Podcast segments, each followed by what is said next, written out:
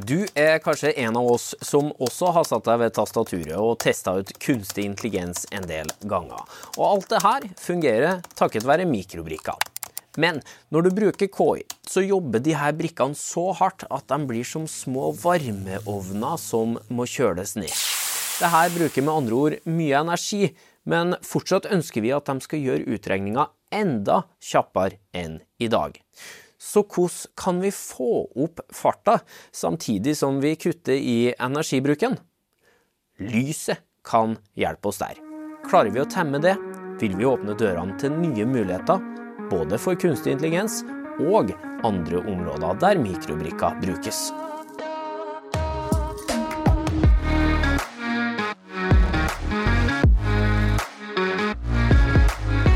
Hører podkasten Smart forklart med Aksel Faanes Persson. Hjertelig velkommen til en ny episode av Smart forklart. Podkasten fra oss i Sintef der du risikerer å bli litt klokere og få litt større tro på framtida for hver eneste gang du lytter innom. Akkurat nå så hører du på episode to av totalt tre i en miniserie om mikrobrikker. En serie vi har laga i forbindelse med Mina Lab sitt 20-årsjubileum. Et Sintef-laboratorium i Oslo da, der det både forskes og utvikles mikrobrikketeknologi, og der det også produseres mikrobrikker. Og da er det nå da serveres jubileumskake hver eneste dag nå, Chris. Ja. Mye, det blir mye kake. Det er en sånn kake som deles opp i bitte, bitte små stykker. Og tar du ikke den humoren, så hør gjerne første episoden, der du får et innblikk i hvor små de her mikrobrikkene er, og hvor enormt viktig de er for den moderne hverdagen vår. Er jo i så å si alt av elektronikk rundt oss. Kristoffer Dirdal, du setter jo noen rekorder i hyppig deltakelse her i Smart forklart. Takk, for takk. du var med i forrige episode også. Eh, fortsatt forskningsleder. Stemmer det. Ingen endring siden forrige episode. Godt, vet jo aldri. Eh, doktorgrad i usynlighetskaper fortsatt òg. Stemmer bl.a. Ja. usynlighetskapper. Mm. Og endelig skal du få lov til å fortelle om eh, de kappene. da. Ja, Eh, det gleder jeg meg til. Ja. Metamaterialer er vel egentlig det det handler om. Metamaterialer, Riktig. Eh, og med deg på laget her i dag da, så har du Daniel Nilsen Vrikt, seniorforsker hos Mina. da. Velkommen, Daniel. Jo, tusen takk. Hyggelig å være her. Eh, en av dem som prøver å temme lyset. da. Hvor Ja. hvor samarbeidsvillig opplever du at det der lyset er? Kan vi si at det er litt som en sånn trass tenåring? Ja, det er, det er sikkert der, ja. Ja. Du må manipulere litt for at du skal få det som du vil. Men det er mulig, da. Eh, Det er mulig, alt er mulig. Ja, nå har ikke jeg erfaring med Jeg har vært tenåring sjøl. Jeg, har- jeg har hatt treåring nå. Eh, Det går an. Det går bra. Eh, Du har også doktorgrad. Ja, jeg har doktorgrad i eh, antirefleksbelegg på silisiumbaserte solceller fra IFE i 2008. Riktig? Ja. Nei, men det er supert, det. Ikke sant? Ja. Gratulerer med det. Jo, takk. I forrige episode altså, så fikk vi høre at uh, utviklinga av uh, mikrobrikker har vært helt utrolig. Eh, det er jo nå plass til hva var det vi sa, 100 milliarder sånne komponenter, da, på, eller transistorer, Helt riktig. på Ja. én brikke som bare er noen centimeter stor. Ja. Det er helt utrolig. Det er helt ellevilt. Og da er jo spørsmålet, som vi jo avslutta forrige episode med, hvorfor kan ikke denne utviklinga bare fortsette til evig tid, da, Chris? Jo, det er jo det at eh, disse transistorene, disse komponentene som er på disse mikrobrikkene, de begynner å bli så vanvittig små. De minste delene av den er jo allerede noen hundre atomer store. Og da sier det seg selv at vi kan ikke gjøre ting mindre enn atomer. Så man begynner rett og slett å nå en grense hvor det er vanskelig å gjøre mindre. Det, man skal være litt forsiktig med å si at det ikke kan gjøres mindre, fordi de siste 20 årene så har man fortsatt klart det ved å gjøre en del triks, bygge i høyden osv. Men likevel, det er en veldig vanskelig eh, utfordring da, å fortsette å skalere det ned. Men du sier at det sier seg sjøl at det er vanskelig å få noe mindre enn atom. Altså, oss inn i det, da. Hvor lite er et atom, og hvorfor går det ikke an å få noe mindre enn et atom? Ja, Atomer er jo de minste byggesteinene på en måte for eh, materialer. Hvis man kommer inn i avanserte ting, kan jo ting bli mindre enn det også. Men det er vanskelig å bygge noen komponenter som er, som ikke, som er basert på ting som er under atom, atomær størrelse. Ja, Så vi har klart å få det ned dit. Ja, det er helt utrolig. Det er helt og det. det tror jeg ikke mange hadde sett for seg da man starta med dette her for 60 år siden. Jeg tror man hadde trodd at utviklingen hadde stoppet for lenge siden. Så klarer man likevel å pushe det videre. Det er ganske utrolig. Og det, det andre er at eh, den andre store utfordringen er, har å gjøre med effektforbruk. Disse brikkene bruker vanvittig mye strøm og, energi. Fordi de genererer mye varme, og de må kjøles ned. Så, En, Nvidia-chip som eh, man nå bruker til KI. altså KI er nesten støvsugd alt markedet for sånne chipper. De bruker jo flere hundre watt eh, med energi. Så liksom setter du fire, de, fire av de ved siden av hverandre, så har du en varmeovn, rett og slett.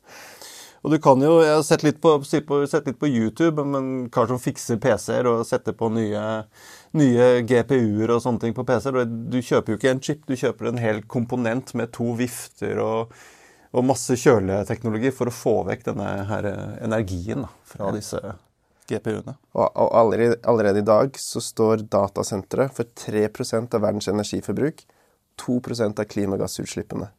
Og allerede i 2017 så ble det anslått at datasentre i USA alene brukte strøm tilsvarende 34 store kullkraftverk. Så dette er også et eh, Det er klimaproblem. lenge siden. Det er mye som har skjedd siden 2017. Jo, det har bare økt, ikke sant? Ja, ikke sant? Omfanget bare øker. Ja.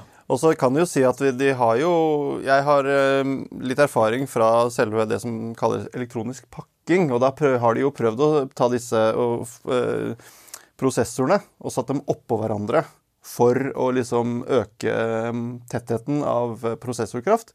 Men da er igjen varme et problem. da, så da, da, De blir rett og slett så varme at du ikke Du får ikke vekk den varmen fort nok. da. Altså, greia her er altså at vi har gjort det så smått som vi nesten Det er mulig å gjøre det. Det er transistorene. Vi har bitte litt til å gå på. Eh, Og i tillegg så bruker de veldig mye altså det, det krever litt energi å få- få dem her til å gjøre jobben sin, for det er så, såpass mange av dem da, som skal snakke sammen på én brikke, at den genererer noe utrolig til varme. Må kjøles ned. Nettopp. Og alt det her energibruken, det, ja, det tar strøm, da. Ja, Ja. absolutt. Og, og det, man begynner å merke det. Altså, Norge har jo bestemt at det skal komme et sånt datasenter her. Og da kommer det til å ta en stor del av kaka av energibudsjettet i Norge. ikke sant? Det er ikke, de sier at innen 2027 så kommer kunstig intelligens til å bruke like mye energi som Sverige eller Nederland eller Argentina. Så like mye som et land. Så dette er noe industrien jobber hardt med å løse. Altså, dette er et stort problem da, for, eh, for utregningskraft. Og til sammenligning så bruker jo menneskehjernen Altså vi er jo ganske smarte. Eh, den bruker bare 12 watt, altså en tiendedel av en Nvidia-brikke, til å gjøre ganske mye mer avanserte utregninger enn en sånn brikke. da. Så det å så ikke si at her er det mulig å, å gjøre det uten strøm. Og så Ja. går det an å Det er det som er så fascinerende. Så vi, vi har blitt vant til å tenke at man trenger så mye energi for regnekraft. Og så sitter vi med noen av de mest avanserte utregningsmaskinene hver og en av oss. Og så bruker ikke den mer enn eh, energien vi kan få ut av en matpakke. Liksom. Ja. Så det fins noen ting vi kan gjøre, da. Det fins åpenbart noen ting vi kan gjøre for å forbedre utregninger. ja. Blant annet bruke lys, da. Nettopp. Altså, hvordan kan eh, lyset hjelpe oss? Men lys eh, skaper ikke den varmeutvikling som elektronikk eh, gjør. I en sånn der prosessor så går disse her små transistorene de slår seg av, av og på veldig fort. Det krever energi. Eh, Og når du strømmen går gjennom dem, så er det som en glødepære på en måte. Altså du, Alle kjenner jo de her eh, husker du, glødepærene. Ja, De var vond å komme borti. Veldig veldig vond å komme på, for det er mye varme som, som utvikles. Det er jo samme som foregår i en prosessor, bare på mye mindre skala. Men det blir utrolig varmt når du tettpakker disse glødepærene så, så godt sammen. da. Ja, så det, Vi kan se på det som glødepærer som skrur seg av og på hele tida. Og derfor blir det så utrolig varmt der, Det er det. Ja. Sånn Ja, og det her må kjøles ned, ja. som igjen bruker energi. Sånn som Daniel var inne på, fire sånne brikker er som en varmeovn i en husholdning. ikke sant? Og sånne datasentre har mange, mange av sånne brikker. Men det er en annen grunn til at lys er interessant her. eh, Og det er at eh, folk flest er jo kjent med optisk fiberinternett. Ting går veldig fort når vi bruker lys isteden. Og det er også Ja, For optisk fiberinternett er lys. Det er lys, ja. Okay. Som hva, går i kabler. hva har det revolusjonert eh, Du har fått en vanvittig høyere båndbredde. Altså plutselig så kunne man streame filmer i HD-kvalitet. ikke sant? Det kunne man jo ikke før. før man hadde Det er en sånn utvikling man ikke har tenkt over. Nå sitter vi her og koser oss og streamer. Ja. Og tenker ikke over at og blir utrolig irritert den ene gangen det begynner å bøfre litt. da. Nettopp. Men eh, det er bra sjeldent det skjer. Ja. Men hvorfor blir ting raskere med lys, da? Det har rett og slett å gjøre med båndbredde. At du har plass til å sende mer frekvenser. Det er litt teknisk. Mer informasjon Mer per informasjon sekund, per sekund. rett og slett. Med lys, ja. lys, ja. enn med strøm. Kobberfiber. Ja, kobberkabler kan man ikke sende like mye informasjon. Og dessuten så har jo lys også en, an, en del andre fordeler utenom sånn utregninger og sånne ting. Og dette kommer vi kanskje tilbake til etterpå. Ja, men, ja, for vi kan jo gå inn på de mulighetene her, da. For hvis, hvis vi da eh, lykkes med å temme lyset Eller er det noen som har lyktes med det? Altså, vi, vi har jo lyktes med det på solcellepanel og sånn, men når det kommer til mikrobrikkeverdenen, da? Ja, dette er, dette er helt nytt. ikke sant? Det er de siste 10-20 årene at man har begynt å bruke lys på den måten man gjør. Og for, I første omgang så var det for de tingene vi snakker om nå, for kommunikasjon. Og så kommer det en haug med nye anvendelser som vi skal snakke litt mer om etterpå. Det som er spennende i dag, da, det er at de store teknologiselskapene som lager mikrobrikker, de, mange av dem sier nå at de satser tungt på bruk av lys. Annet TSMC i Taiwan, som står for rundt 90% av verdens mest avanserte mikrobrikker. Dette snakket vi om i forrige episode. De sier nå at de skal satse på bruk av lys på brikker for å kunne gi forbedret kunstig intelligens. Og det de tenker på å gjøre da, det er å kombinere elektriske brikker med lysbrikker. Altså kombinere de to teknologiene sammen. Eh, Da er tanken at den elektriske mikrobrikka den skal gjøre utregninger. Den skal være hjernen. Og så skal eh, lys lyskoblingene føre til kjapp kommunikasjon mellom brikker. Så hvis vi tenker på det bildet eh, vi lanserte i forrige episode, Aksel, hvor vi så på en mikrobrikke som en slags storby med massevis av veikryss og sånn, så er det, det er den elektriske brikka. Og så er høyhastighetstog mellom byer, det er lys. Ja.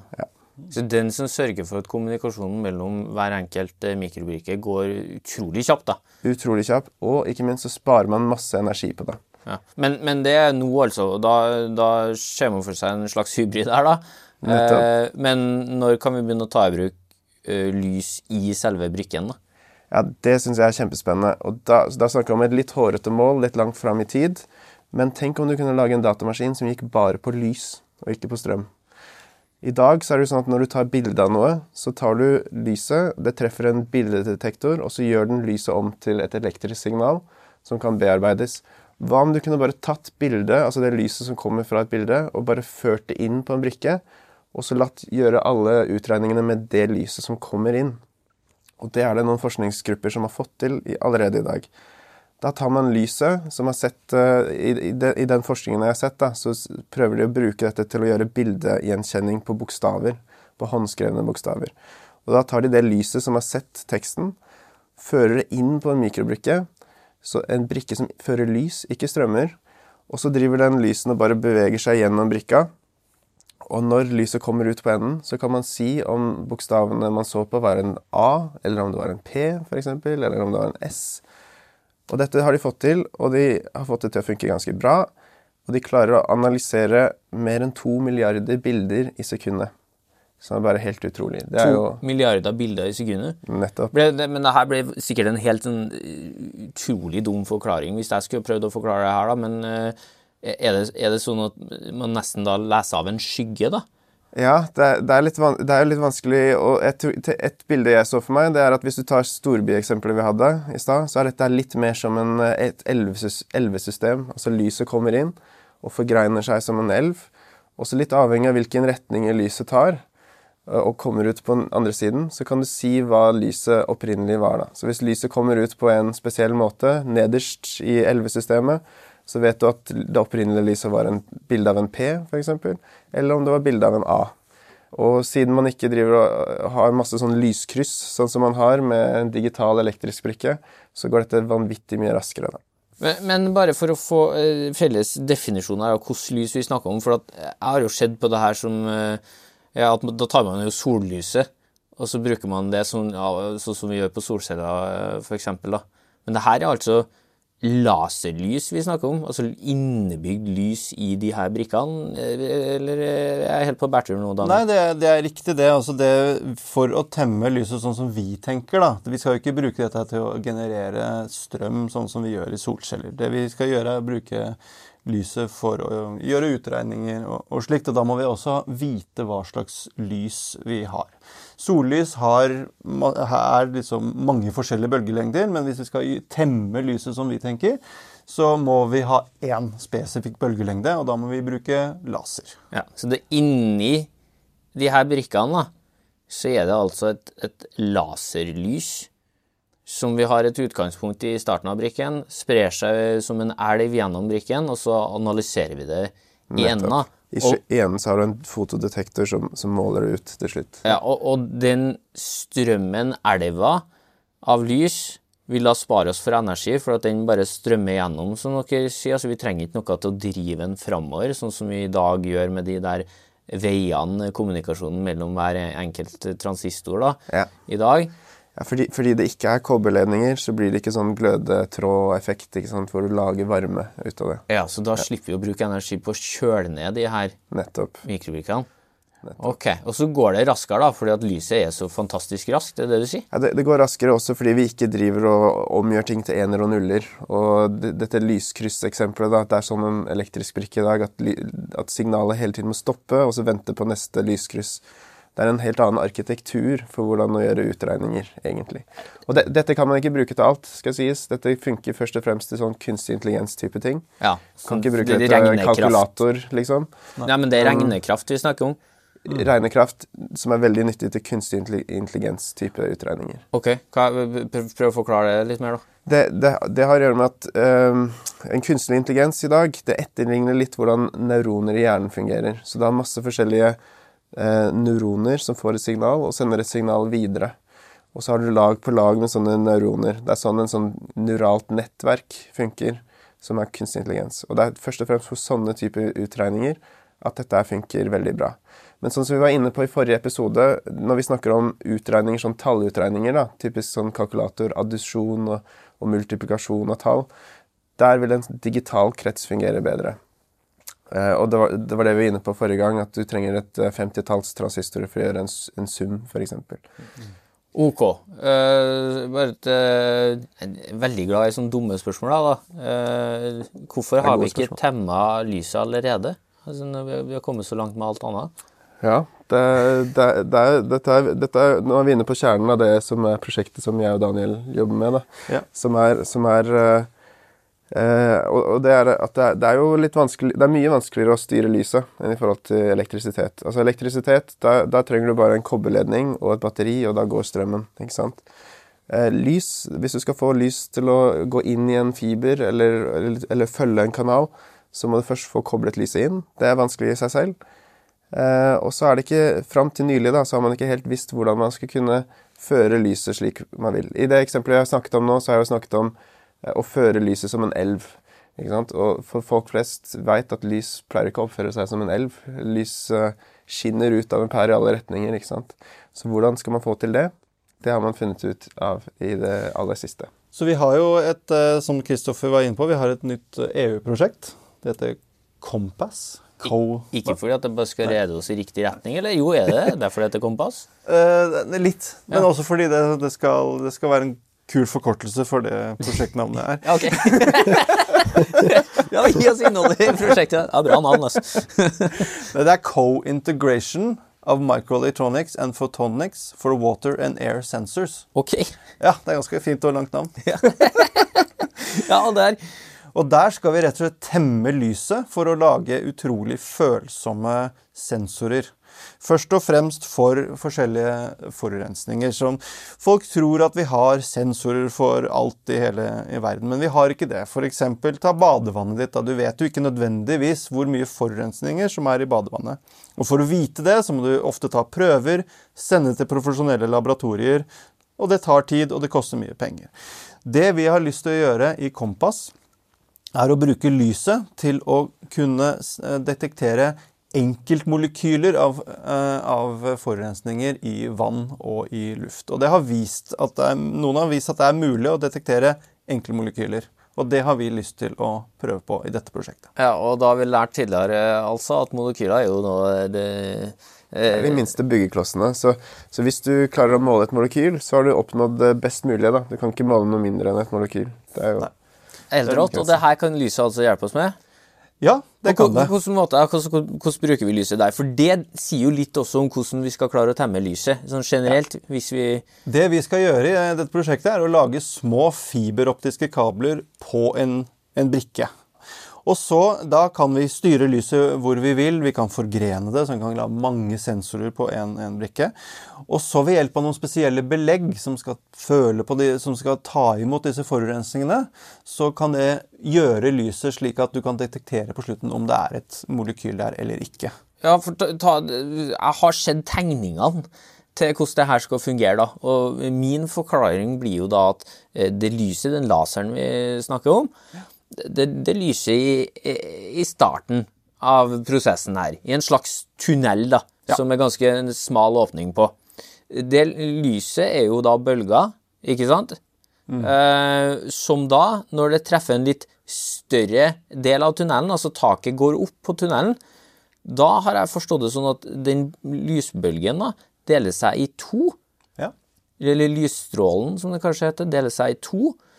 Hvis den ikke treffer på det stoffet vi er på jakt etter, de molekylene vi er på jakt etter, så vil den da i enden av den, eh, den forhøyninga, når tunnelen blir smalere igjen, slå seg sammen og bli til én lysstråle, og så eh, finner vi ut det på slutten av tunnelen at ok, her har det ikke skjedd en eneste endring. Da er good to go, hopp uti alt det der hvis du skal bade.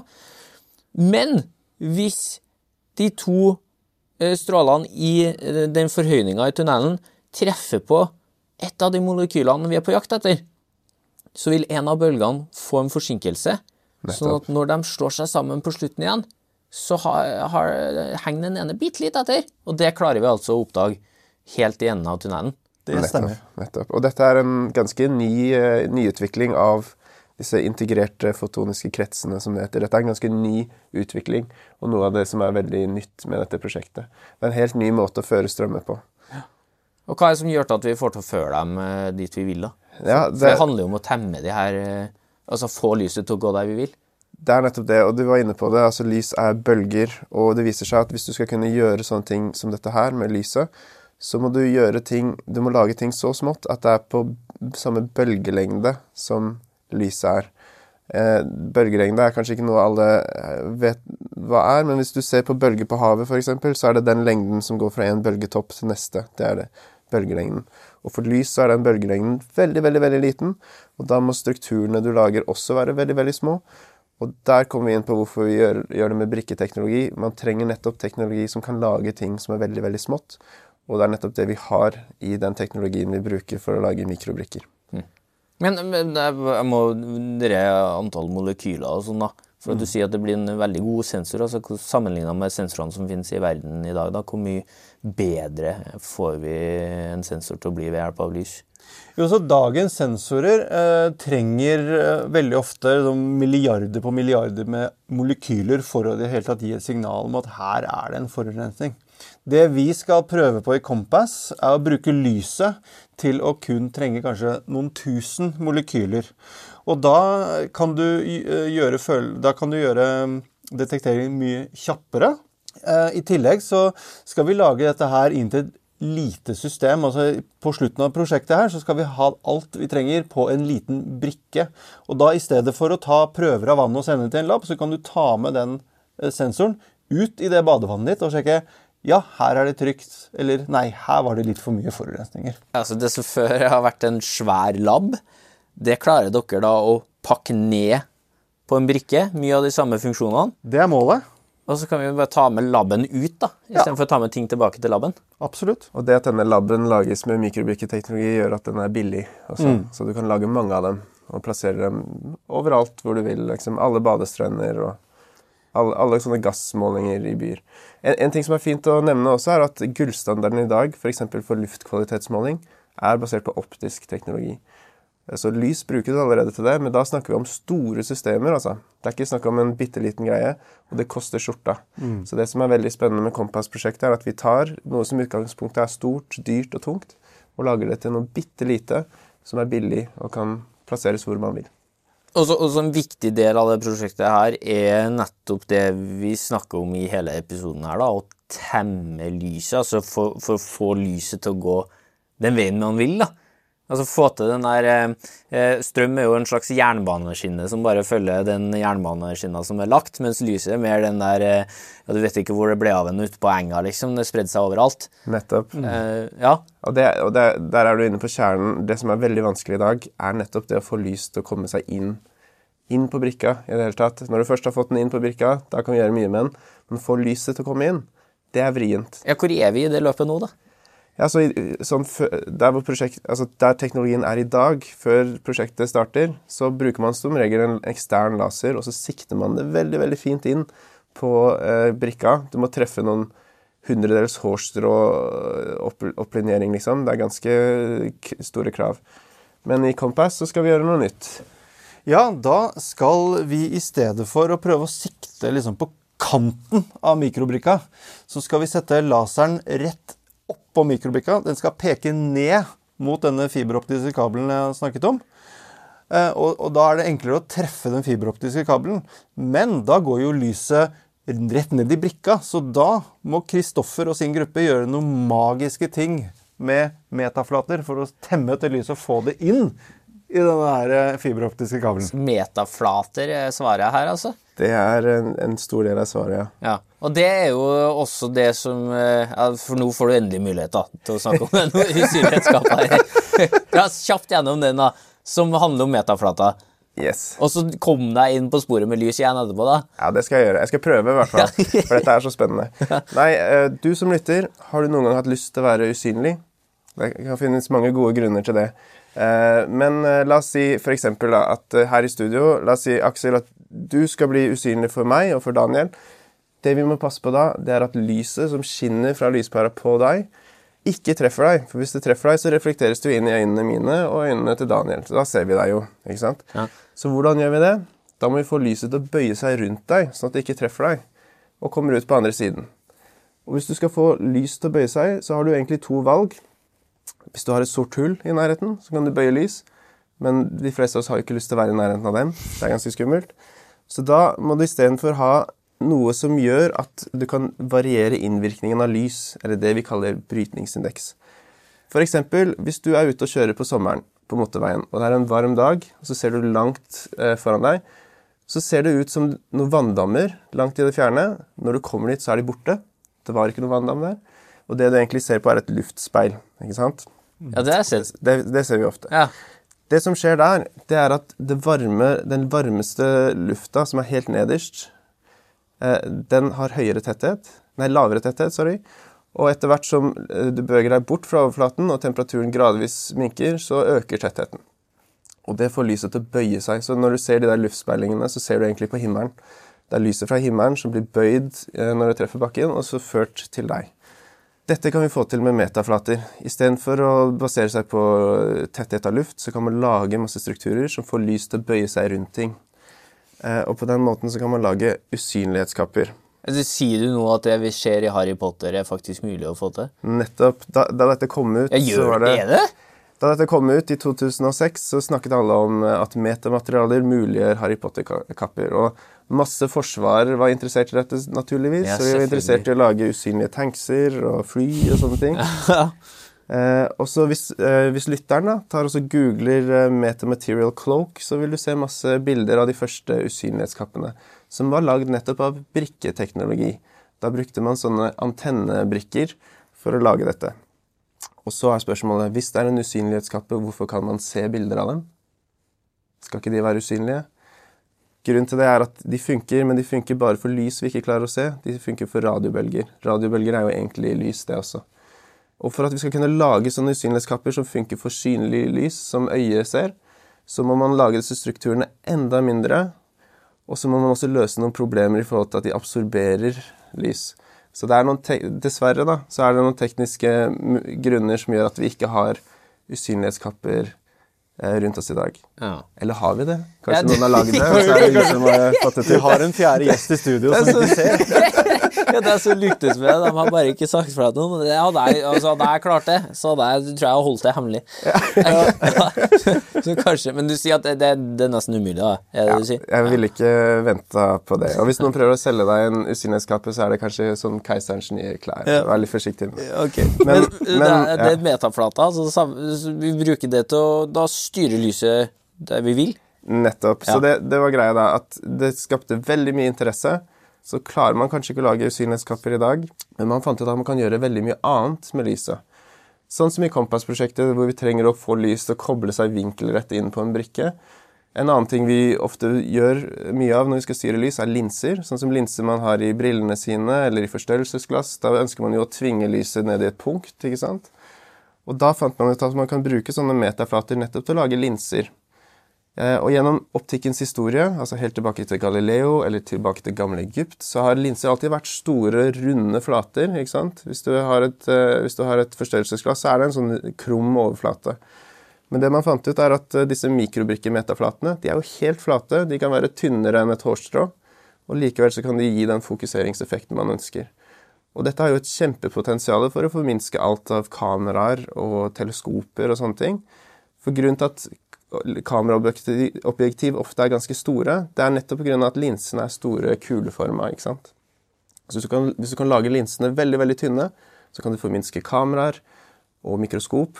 Kanskje kan du til og med gjøre at mikroskop blir små nok til å plasseres der de gjør mest nytte, f.eks. i medisinsk diagnostikk inni kroppen eller på kroppen. Det er masse masse spennende som skjer i dag nettopp med metamaterialer.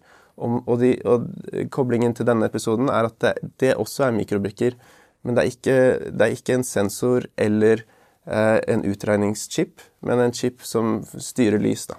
Fantastisk. Så det du sier nå, da, at eh, metaflata er svaret på spørsmålet hvordan vi kan temme lyset, fordi det her er da en et vidundermiddel da, Ja. som uh, viser vei. Ja, Det er det som er så spennende, og ingen vet helt hvor dette vil gå. Det, alle bare vet at det fins uante muligheter for hva vi kan gjøre med lys. Og la oss ta, de nye sensorene vi har i Kompass. ikke sant? Da får vi fått helt uh, vanvittige følsomme sensorer, veldig smått, som vi kan distribuere overalt, og kan gi oss svar på ting vi ikke visste, vi ikke vet nå. Det er helt er nydelig. Og det er faktisk det neste episode handler litt om. Å ta de her svære labbene ned på en eh, liten brikke, og så pakke dem inn i kroppen vår. I det tilfellet, da. Ikke badevannet og, lufta og sånn, men i kroppen, da. Kroppen. Eh, for her kan vi altså få noen gode svar på helsefronten også. Eh, tusen takk da, for at dere forklarte for oss her i episode to, Daniel og Chris. Takk for at vi fikk komme. Takk for at vi fikk komme. Tusen takk til deg som hører på også. Det er en fryd å ha deg som en del av den store Smart forklart-familien vår. Og her er det alltid raust med plass til flere, så tips gjerne folk rundt deg som kan ha behov for å få litt framtidshåp med jevne mellomrom. Om du ønsker å finne mer forskningsstoff, så er det alltids noe nytt på sintef.no, gemini.no Sintef-bloggen, eller så kan du jo følge Sintef i sosiale medier.